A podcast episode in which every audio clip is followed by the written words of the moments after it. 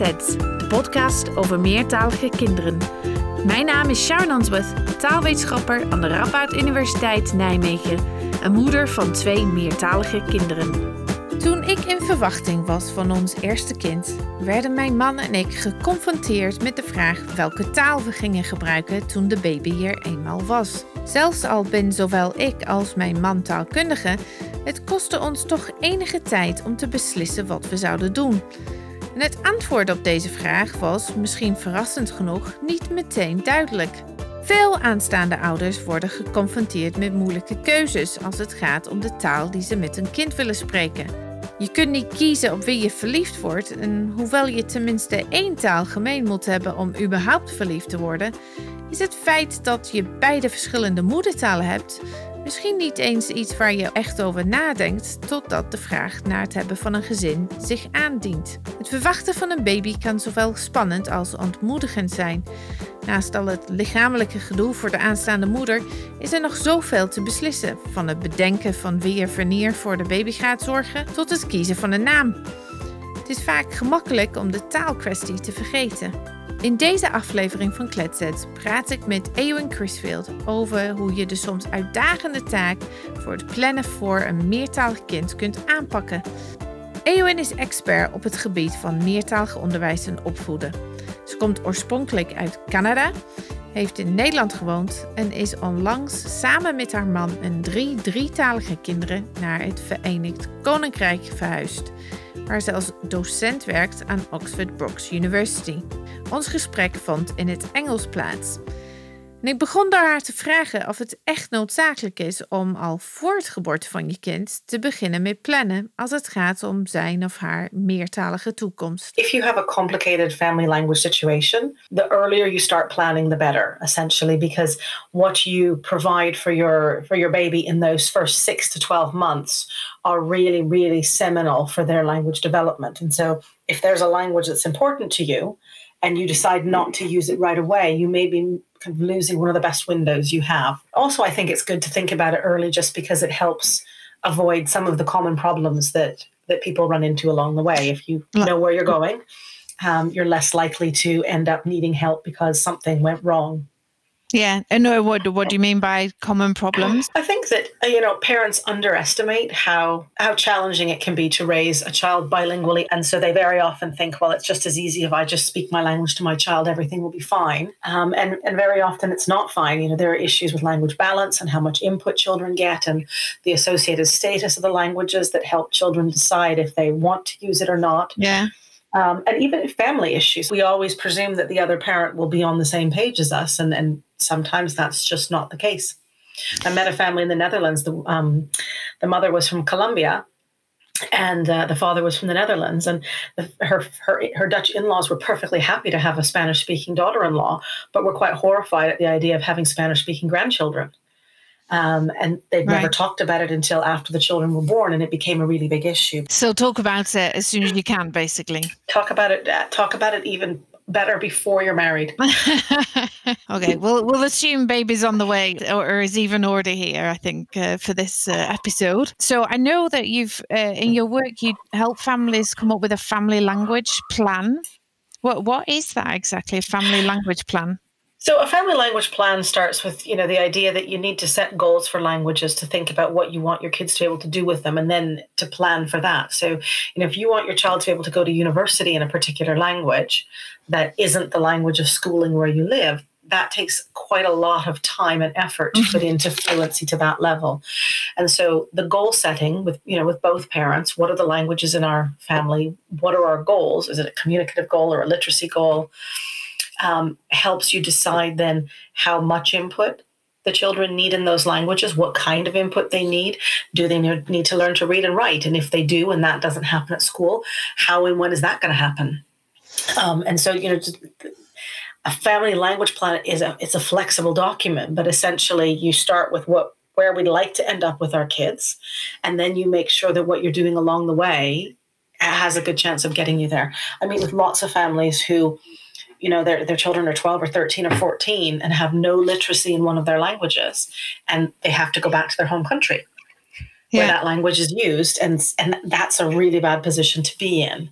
And so it's kind of about forward thinking and then adjusting as you go as your life changes. You know many of our listeners already have bilingual children is it too late to to come up with a family language plan i think it's never too late to make a family language plan but what you can end up planning for will be different the later you start and so trying to go back and you know fix things that have already been done is much more difficult than setting off on a, the path that you intend to to get to at the beginning.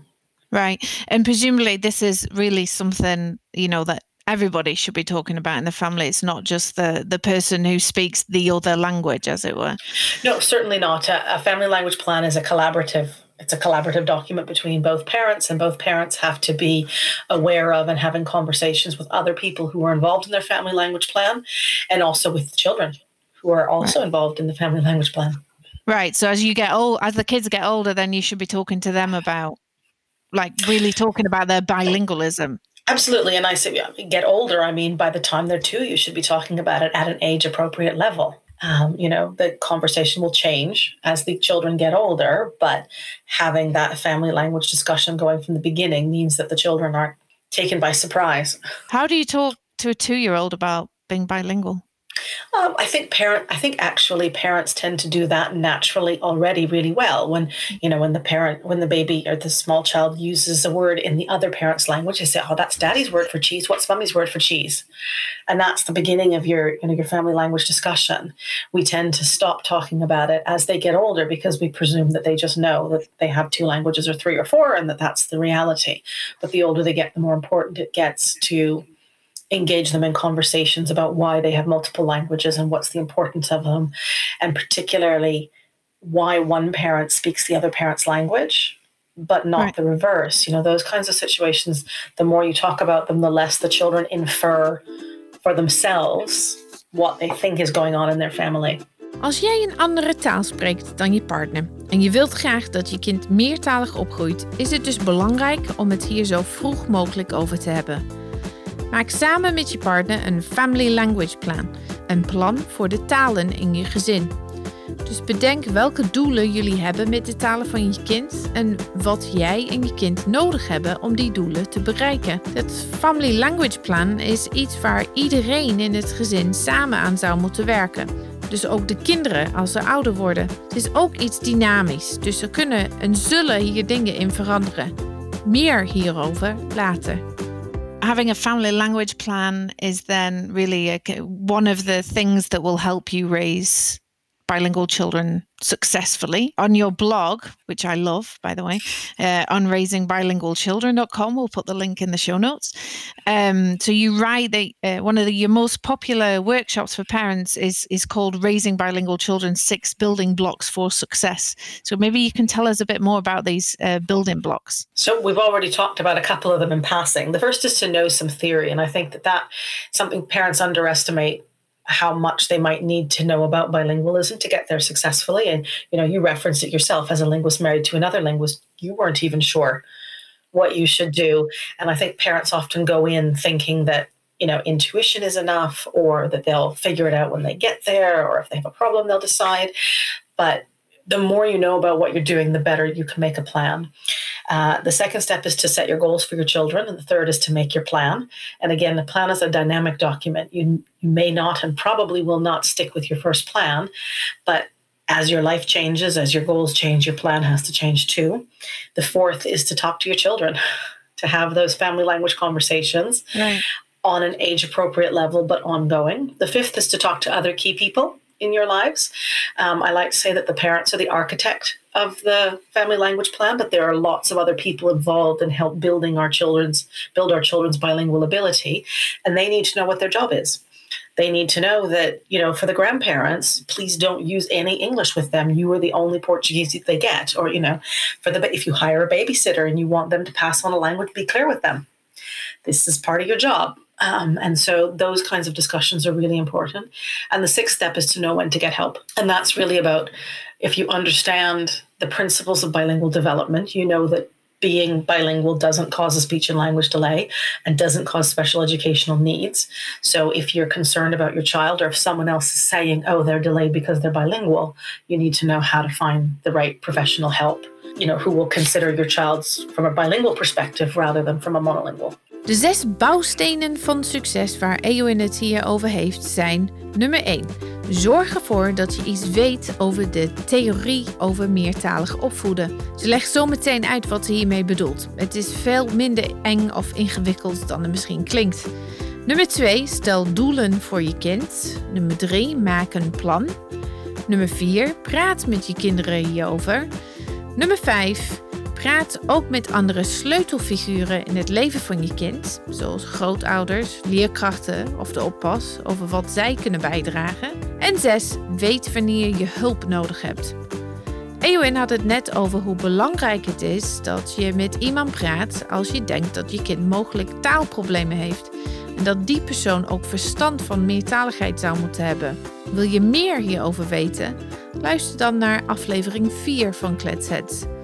We gaan nu verder met Eowyn. So yeah, I just want to go right back to the first step. I think some people might be a bit scared by the, the idea of knowing something about the theory. Can you say a bit more about what, what exactly you mean by that? I think that it's just about you know knowing the basic principles knowing that children can become successfully bilingual in all kinds of circumstances knowing that being bilingual doesn't ch- cause children to start speaking later that's one of the biggest myths out there. Um, and you know you don't have to you know invest in a whole library of books about bilingualism. There's a lot of good available information online. There's a lot of bad available information online as well. So if you're looking online you have to look at where this what the source is. There are some really good basic books. I always refer to um, colin baker's a, T- a parents and teachers guide to bilingualism Yeah. because it's question answer. You don't have to commit to reading the whole book. You know families never come to me because it's going well. So i Right. need all the families who are looking for help because they you know they're they're not getting where they want to. A lot of the time it's because somebody has given them bad information and bad advice um, a- and they believe them.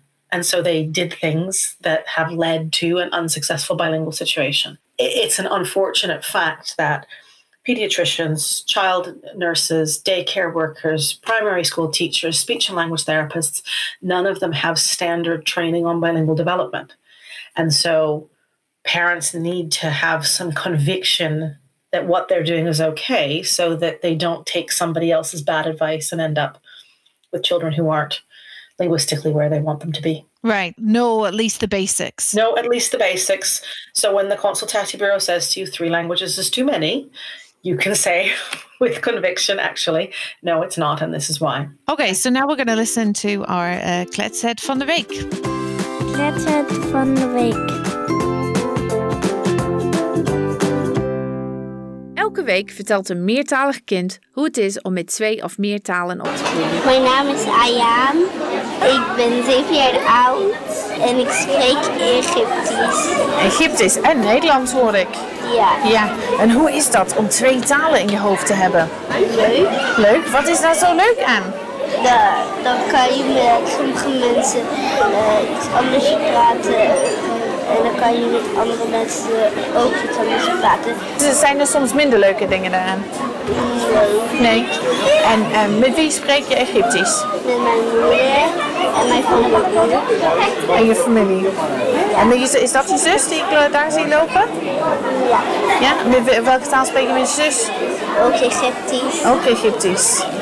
En wil je mij, ik kan geen Egyptisch, wil je mij een, eh, een woord leren? Ja. Verzin een moeilijke woord, wat kan ik eh, zeggen? Nee, Egyptisch. Wat zeg je? Heb ik? Wat betekent dat? Eh, ik hou van jou. Ik, oh, dat vind ik een heel, heel erg leuk iets te leren. Heb ik? Nou, dat ga ik onthouden als ik, eh, als ik mensen ontmoet. Stel dat je ouder wordt en dat je mama wordt. Welke taal ga jij te spre- spreken tegen, tegen jouw kinderen? Egyptisch. Dan kan ik hem ook leren om Egyptisch te praten. Ja, vind je dat belangrijk? Ja. Waarom? Want dan kan ik daar naartoe en dan kan ik dan Egyptisch praten. Want als ik, daar, als ik niet naar Egypte kan, dan praat ik Nederlands en verstaan mij niet. Ja, kan ik me voorstellen. En hoe zeg je dankjewel en tot ziens in Egyptisch? Is er nog Shukran. Shukran. Is dat dankjewel? Ja. Oké, wat is doei? Masalema? Masalema? Nee, Masalema. Masalema. Shukran in Masalema. Letter van de week. We've spoken already, Eowyn, about the, the your six building blocks uh, for success. So, how to raise a bilingual child more generally. Perhaps we can talk a bit more about advice you might give in particular situations that parents are uh, faced with as they think about how they're going to tackle this issue. For example, if you have, you know, one parent uh, speaks a language, let's say other other than Dutch, let's say Spanish. The Dutch speaking parent also speaks Spanish, but not as a native speaker. What would you recommend? Would you always recommend sticking to your native language? Uh, no, not necessarily. I think that actually one of the one of the kind of the biggest misleading bits of information on the internet is that one parent, one language, or the OPOL approach is the best way for success. Right. And so a family like that would automatically think, oh, well, one parent, one language, and our child will be bilingual English, uh, Dutch, and Spanish. But in fact, it's really about the amount of input that children get in each of their languages. And so a child with a Dutch parent going to Dutch creche and Dutch school and having Dutch family and living in the Netherlands with one parent speaking Spanish doesn't have a very good chance of fully developing in Spanish. Whereas if the other parent commits to using Spanish as well, they'll get a lot more input in Spanish. And so I think if um, you know the non-native speaking parent is comfortable with it, at least carving out certain times of day or certain days of the week when everybody uses the minority language together gives the children a much better chance for success. Right. So that that's actually what we decided to do in our family. So my husband decided of his own accord, not everybody believes that, but of his own accord, he decided he would speak English to our children. He felt that he could do that quite comfortably. And I can really see that that has helped because they still speak English to each other. They enjoy speaking English. Sometimes when I tell people about this, I get a bit of a, you know, raised eyebrow like, really? You're having a non native speaker speaking uh, their language to their child, where, you know, when you talk to uh, non native speakers of Dutch, we often say as experts, don't speak Dutch to your children if you're not a non native speaker. It's not about the native non native paradigm, it's about comfort and fluency. Right. Um, and, and it's also about the situation. And so if you are comfortable, like I spoke to my kids in French, I'm not a native French speaker, but I happen to be a fluent French speaker and I really wanted them to have that. But I needed to be sure that uh, you know my French was comfortable enough to to do that. And that it, it does take quite a high level to be able to to have a conversation with a two year old in a language that you're not native in is fine. To have a conversation with a nine year old is different and with a 16 year old. And so you have to think about, you know, as your kids grow up, is your level of language going to be able to meet them? The other issue with not telling parents to speak Dutch to their kids, for example, in the Netherlands, is because very often that advice is given as a way to prioritize Dutch and to sideline a minority language. And so it's also about again always it always goes back to input. If you speaking dutch with your children means they don't get enough input in english then that's not the right thing to do. Your husband speaking english to your kids does not mean they're not going to get enough input in dutch. So it's Right. it's a fine thing to do. And so it's more complex than just the native speaker non-native speaker question. It's also always back to are they going to get enough input to meet the goals that you've set for them and how are you going to get there Let's klets! In deze nieuwe rubriek horen we van een ouder, leerkracht of logopedist over hun ervaringen met meertalige kinderen. We beginnen met het inspirerende verhaal van Desu, vader van vier meertalige kinderen met vier verschillende talen in de mix. Klinkt ingewikkeld? Nadat je Desu hebt geluisterd, zul je denken dat het de normaalste zaak van de wereld is. Net zoals Ayan, onze kletset van de week, is ons gesprek opgenomen op het Kletskoppen Kindertaalfestival hier in Nijmegen. Vandaar de achtergrondgeluiden. I am Desu. Uh, I was born in, in Ethiopia Ja, and uh, I came to the Netherlands 13 years ago uh, to study. Aha. Yeah, And I see you've got a little boy or a girl on Uh, your a boy. A boy. And which language do you speak to your little boy? I speak to him Amharic. This is my na- uh, my mother tongue Yeah. uh, from Ethiopia, Yeah, uh, and his mom speaks to him in Italian. in Italian. Yeah, uh, she's half Italian, half Italian, and half Croatian. Oh wow. Yeah. So so he hears Italian from her and Amharic from you. Yes. And which language do you speak to each other? Uh, we speak English to each other. Right. Uh, and he has two brothers, half brothers. Yeah. Uh, they speak also Dutch. Okay. Uh, so they speak to him in Dutch. One of them speak to him in Dutch. The other one speak to him in Italian. And he hear us also talking in English. So Okay. he's exposed for four languages. to four languages. Wow. Yes. And how old is he? Because he's quite young, right? He's uh, two years and four months. Yes, it's amazing. He can switch quickly. Uh, when he speaks to me, he uses my mother tongue, Yeah. and when he speaks to Nelly, Italian with his brothers, Dutch or Italian, depending on uh, the situation. How does Uh, that feel for you to see that? Ama- I'm amazed. Yeah? yeah, Surprised? yeah, and uh, I'm happy. Yeah. Yeah, I can he's imagine. exposed, uh, you know, to a number of languages. Yeah. Not only languages, but also cultures. Yeah. Yeah. So you see, so for you, it's not just being able to speak the language, it's also the culture as well. Yes, yes, Yeah. yeah. Yeah. What kind of things do you think about when you think about exposing them to their culture? Yeah, for me, uh, especially uh, with Nelly, we decided to speak our own uh, mother tongue to the children because we uh, understood uh, getting emotionally connected is most important than teaching them, you know, the grammar or the vocabulary of a language. Right. So that was essential. Uh, then we uh, then we speak to them our mother tongue. Yeah. And do you understand Italian? Yes, I do. And does your does your partner understand Amharic? A bit. Yeah. Yes. Okay. So mm. that's not, Well, eh, do you eh, ever find that a problem? Because a lot of parents ask me about this situation, right, where they don't necessarily understand each other's language that well, and they're worried that somebody will feel left out. Is that something that you experience?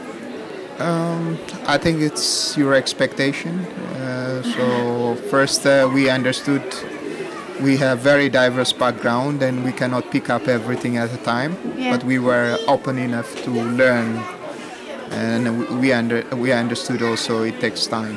Right. uh, and I don't really speak Italian, but now I understand uh, what the conversation is about. Right. And uh, Nelly is also picking up very fast. She's much better in languages Uh-huh. than me. Uh-huh. So So it's kind of part of the deal. yes, Yeah. yes, yes. Uh, what do you worry about for your children in terms of the languages? Is there anything that worries you about them they're being multilingual? No, it's an opportunity. Yeah, they, they, they will understand uh, the culture and the perspective of uh, different societies. Yeah. I think that's a blessing. Yeah, I Yeah, agree yeah. completely. and um, and what do you hope for them when he's twenty? What languages does he speak? I don't know. Maybe I, my, my feeling is I, I, I don't care about that much because it is his choice. Yeah, But I think he will have uh, a big heart. uh, he will have uh, the understanding of many culture, many people, perspectives, and uh, I think he will serve as a bridge okay, for society. brilliant. Yeah. Thank you ever so much. It's been a lovely conversation to have with you. Let's klets! In een situatie zoals die van Desu spreken beide ouders verschillende talen met de kinderen en onderling een derde taal, vaak het Engels. Dit soort situatie komt veel vaker voor dan je misschien zou denken. Ik vroeg aan Eowyn wat voor advies zij aan ouders geeft in zulke gevallen. I've worked with many, many, many, many families like that, especially in the Netherlands. It tends to be the most common paradigm of bilingual families in the expat community, certainly. Um, and there is no one right answer. Some families feel very strongly that they need to have a common language Right. between the parents and with the children. And so they will prioritize English even when the kids are young, even though it's not a part of the family, you know, background.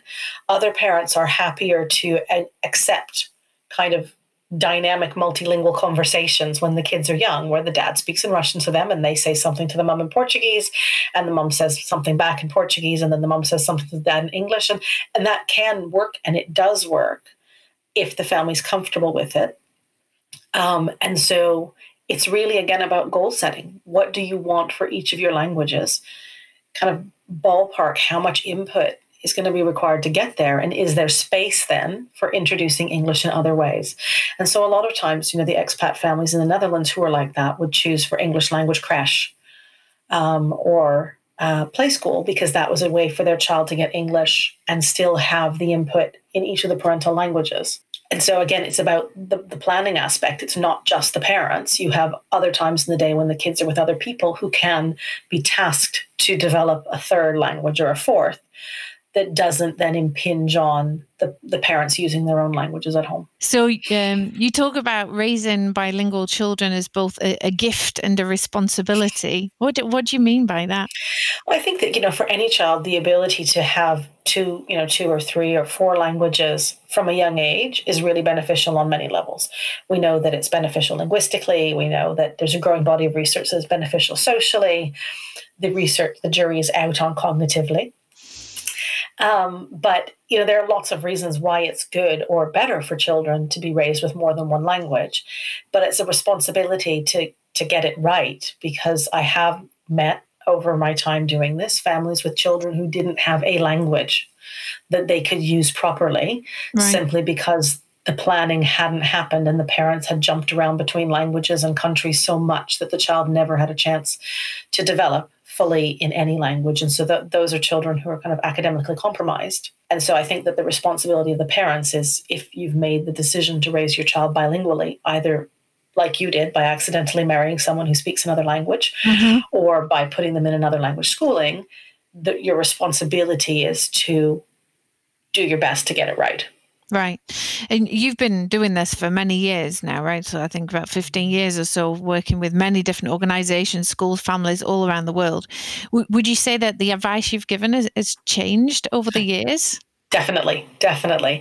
I mean, certainly very early on, we were still quite convinced about the cognitive benefits of being bilingual. And that was always a big selling point for the parents. Oh, you know, my child, will, their executive function will be better or their decision making ability will be better. And I think right. there's been a recent renewal of interest in other aspects of the cognitive um, benefits debate that shows us that actually we don't know those things for sure. And so in parent sessions now, I don't even really mention them except to say, if you're hoping it'll make your child smarter, that's probably not the case. And so that's changed. Um, I think my advice about language mixing has changed. I think we've come from a position where, you know, we used to say, you should only ever speak your language with your child or it will confuse them to realizing that actually it's not confusing for children to hear more than one language from the same person.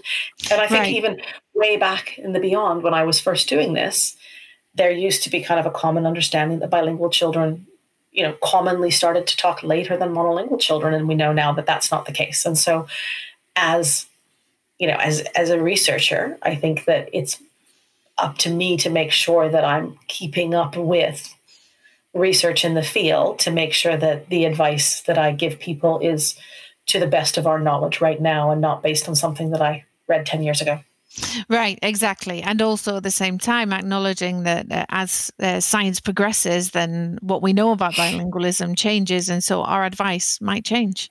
Absolutely. Yeah. Right. Definitely. Uh, I've got one last question for you. you. So, as a parent, do you always follow the advice that you give others? No. um, I and and I talk about this in my parent sessions as well. And I think one of the one of the reasons that that session is as popular as it is is because it, it you know it's my knowledge as a researcher but also my understanding as somebody who's tr- been trying for 17 years to raise three children with three languages and what i've learned along the way. Um, you know i wasn't consistent enough with my twins when they were little in french simply because everybody around them was speaking dutch or english and well when you have twins you're not consistent with much. Right i can imagine. And so you know they didn't get enough of that early input i think to feel as comfortable with the language as my older daughter did. A lot of the things that I tell parents to do are what is best practice, tempered by what I know about is reality right. in multilingual families and the complexities that come with that. Right. Is there anything that you wish you'd done differently? Oh boy. uh, I do wish I'd been more consistent in my use of French with my twins.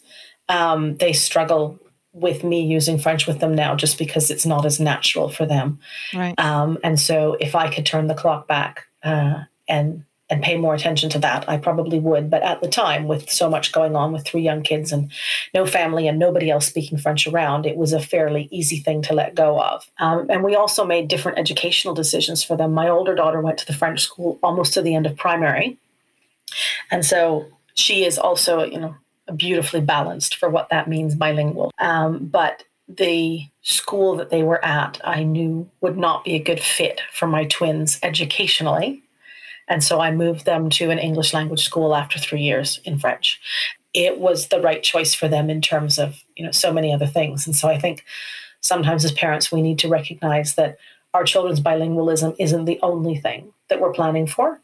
It's one of the things. And that if there's a conflict between their well being and their languages, we need to look at that critically and make the right decision for the child rather than for our own personal aspirations for them in terms of language. Wil je meer weten over Kletset? Ga dan naar www.kletsetpodcast.nl. Daar vind je ook meer informatie over deze aflevering. Wil je geen aflevering missen? Abonneer je dan op Kletset via je favoriete podcast app. Bedankt voor het luisteren en graag tot de volgende keer.